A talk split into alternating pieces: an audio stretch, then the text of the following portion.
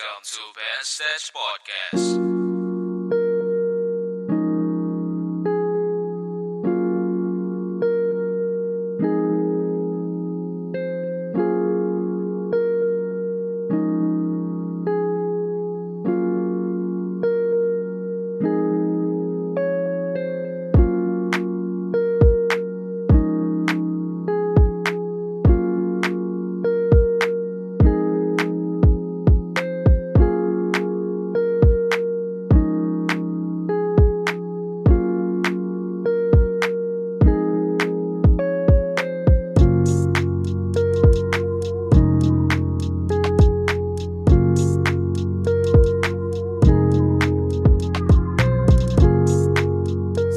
Warahmatullahi wabarakatuh. Hey hey hey Welcome back everybody To Ben Stage Podcast.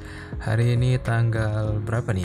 Tanggal 22 Oktober 2019 Kita sampai pada episode 19 Dan di episode 19 ini eh, agak sedikit random. Insight ini saya dapat agak sedikit random nih. Jadi eh, episode 19 ini kita akan berbicara ngomong dari hikmahnya bermain games gitu ya. Karena hampir setiap orang itu menyukai games olahraga pun itu sudah termasuk games. Kalau saya sendiri bermain games itu sudah sangat lama, apalagi kalau games berbentuk konsol itu sekitar umur 8 tahun gitu ya. Itu dulu zaman-zamannya PlayStation 1, Nintendo bahkan saya dulu dapat eh, Nintendo dari saudara sepupu saya karena dulu eh, orang tua saya nggak mampu beli konsol gitu. Em, karena kakak saya dibelikan PS1 akhirnya Nintendo saya pakai. Nah saya udah main sekitar dari umur satu tahun, eh satu tahun umur kelas 1 SD maksudnya. Nah, bermain Nintendo, kemudian PlayStation 1, kemudian hingga mengenal namanya warnet. Jadi di warnet itu bermain macam-macam tuh. Ada Counter Strike, ada Dota, ada ada dulu game-game kecil yang offline gitu di komputer sampai akhirnya sekarang sekitar umur 25 tahun saya masih bermain games gitu. Masih aktif juga, masih cukup aktif terutama game PUBG dan juga Clash Royale. Nah, beberapa orang gitu ya mungkin menganggap bahwa sebuah game itu ngapain sih orang dewasa main sebuah game ya. Ya kadang saya juga mendengar komentar semacam ini entah dari orang tua atau orang-orang di sekitar kita gitu ya. Tapi ya sebagai orang dewasa tentu ya nggak apa-apa. Orang lain menganggap bahwa ya games itu hanya untuk anak-anak. Tetapi sebenarnya kalau menurutku pribadi sih game itu semacam selain alat untuk merilekskan pikiran tetapi real gamer ya itu real gram real gamer lagi. Real gamer itu pasti paham kalau ketika kita masuk ke dalam sebuah game. Jadi saya lebih suka game itu uh, berbentuk karakter atau kita yang mengontrol uh, permainan gitu. Contohnya seperti PUBG. Nah, kita menjadi orang di dalamnya mengumpulkan senjata dan uh, mencoba bertahan hingga sampai ke chicken dinner. Sama seperti Clash Royale, kita menjadi sebuah raja yang kemudian kita mengatur kartu kita yang akan menjadi anak buah kita untuk melawan musuh yang kemudian mendapatkan tiga crown. Nah karena uh, sejarah engagementnya bersama konsol ini sudah sangat panjang, ketika saya bermain game itu uh, menjadi nggak tahu kenapa ya perasaannya itu lebih nyata. Maksudnya uh, bagaimana saya bereaksi terhadap apa yang terjadi dalam game itu kadang uh, cukup serius gitu ya maksudnya I dive into this game gitu. Bener-bener serius. Jadi kalau misalnya mati konyol gitu tuh kayak kok bisa matinya konyol kayak gitu? Atau enggak misalnya teman uh, rekan setim gitu mainnya jelek itu kadang bikin bad mood kadang juga sedikit marah-marah. Tetapi ketika sukses gitu ya ketika mendapat chicken dinner atau mendapat tiga crown itu rasanya ah itu rasanya puas banget. Itu ya karena kepuasan itu memunculkan hormon endorfin yang membuat adiksi itu. Tapi uh, saya tidak terlalu menjadi adiksi seperti bermain 24 jam karena ya ya of course umur segini di mana banyak sekali tanggung jawab. Jadi ada hidup kehidupan lain di luar games gitu. Entah ada ya kehidupan pekerjaan kemudian kehidupan percintaan kemudian pertemanan dan lain sebagainya. Jadi saya tetap serius terhadap games tapi tidak sesering dulu mainnya. Jadi ada waktu-waktu tertentu memang untuk bermain.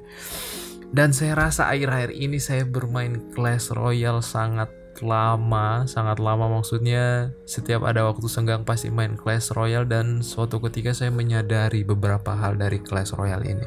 Bagi teman-teman yang nggak tahu Clash Royale ini saya nggak disponsori sama Clash Royale sama sekali. Saya hanya berbagi pengalaman bermain dan apa yang saya dapatkan dari game ini gitu. Jadi Clash Royale ini semacam game real time, bisa dibilang real time gak sih?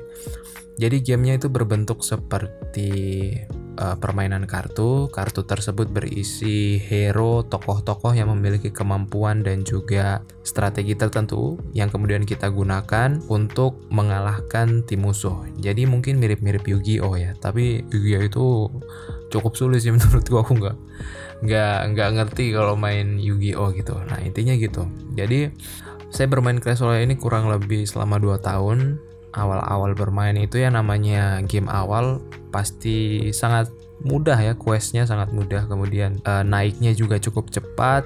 Kemudian banyak sekali promo itu yang sangat adiksi sekali. Jadi setiap ada waktu luang dulu kebetulan dulu waktu kuliah pasti mainnya Clash Royale.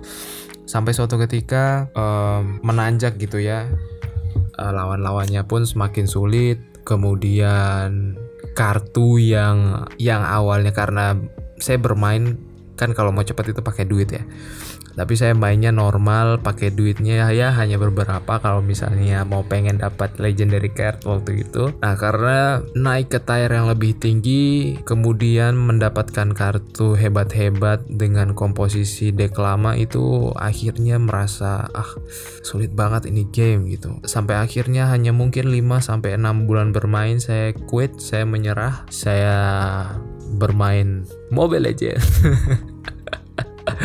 Kemudian main Mobile Legend tidak kuat karena HP-nya HP tipe lama. Kita kembali ke Clash Royale lagi. Nah kemudian di beberapa minggu terakhir ini saya bermain lagi setelah 2 tahun. Jadi kalau dipadatkan itu mungkin saya bermain 7 bulan ya. 7 bulan di beberapa minggu ini juga saya bermain. Nah tentunya dengan pikiran yang fresh dan juga sedikit penyesuaian akhirnya yang stuck kemarin itu langsung naik. Langsung naik tapi memang dengan komposisi deck yang berbeda Deck yang baru tapi kekuatannya masih kekuatan lama. Jadi belum di upgrade gitu ibaratnya kartunya. Dan akhirnya itu addicted lagi.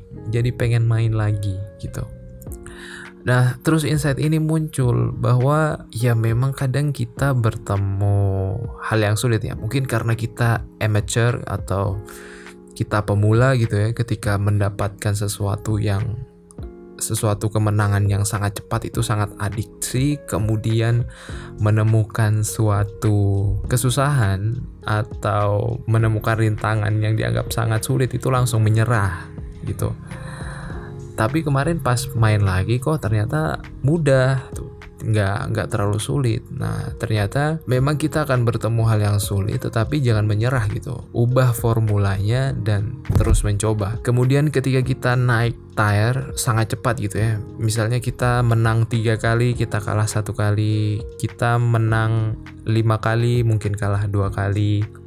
Nah, kita percaya pada deck kita, kita percaya pada skill kita gitu. Apa yang kita yakini baik, tetapi kita akan menemukan sebuah masa di mana kita itu akan kalah gitu, bahkan jatuh merosot, kalahnya berkali-kali. Yang harus dilakukan ya ya setiap kartu tidak sempurna, setiap manusia tidak sempurna dalam kehidupan ini gitu.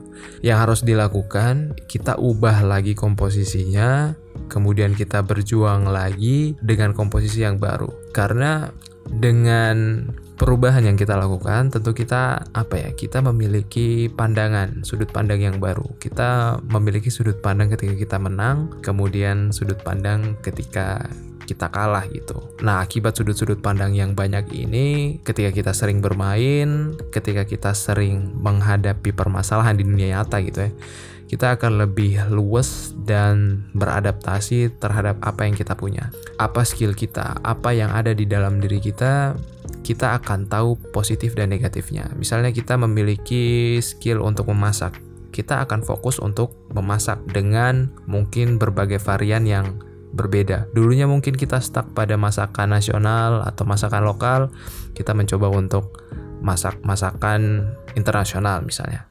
Atau kita memiliki kemampuan dalam public speaking. Public speaking kita mencoba untuk mengajari orang selain mengajari orang bagaimana cara berbicara di depan umum, kita mencoba untuk memotivasi orang dengan uh, ilmu public speaking yang kita punya. Nah, itu lah yang kita capai di dalam hidup ini, apa yang menjadi goal kita. Nah, itu kita sesuaikan dengan apa yang kita butuhkan gitu. Ketika mungkin kita uh, merasa kurang dalam uh, bersosialisasi misalnya, kita berusaha untuk belajar bersosialisasi dengan cara apa? Dengan cara bertemu dengan orang-orang baru, kemudian membaca buku, kemudian ya namanya namanya maksudnya introvert gitu ya introvert itu dulu tuh saya pernah uh, setiap bertemu orang gitu ya kadang saya search dulu di Google gitu apa yang harus diomongkan ketika pertama kali bertemu dengan orang asing itu. Itu maksudnya saking apa ya saking saya tidak tahu bagaimana memulainya. Ya yang penting itu adalah memulai dan tetap upgrade skill sehingga goal yang ada di dalam diri kita atau goal yang udah kita set itu insya Allah akan kita capai dalam hidup ini. Dan tetap semangat. Ya dari game ini saya belajar sih. Maksudnya saya bukan orang yang sudah makan banyak garam nih kehidupan gitu ya. Bukan tetapi analogi yang paling tepat menurut saya hingga saat ini sih uh, itu seperti game. Kehidupan itu memang seperti game. Kadang menang kadang kalah. Kemudian kalau memang ingin mencapai suatu titik atau tier tertinggi atau liga tertinggi memang harus butuh usaha ekstra harus butuh something hard work gitu baru bisa sampai. Kalau enggak ya itu menyerah stuck uh, tier nggak naik naik udah gitu aja cupu gitu.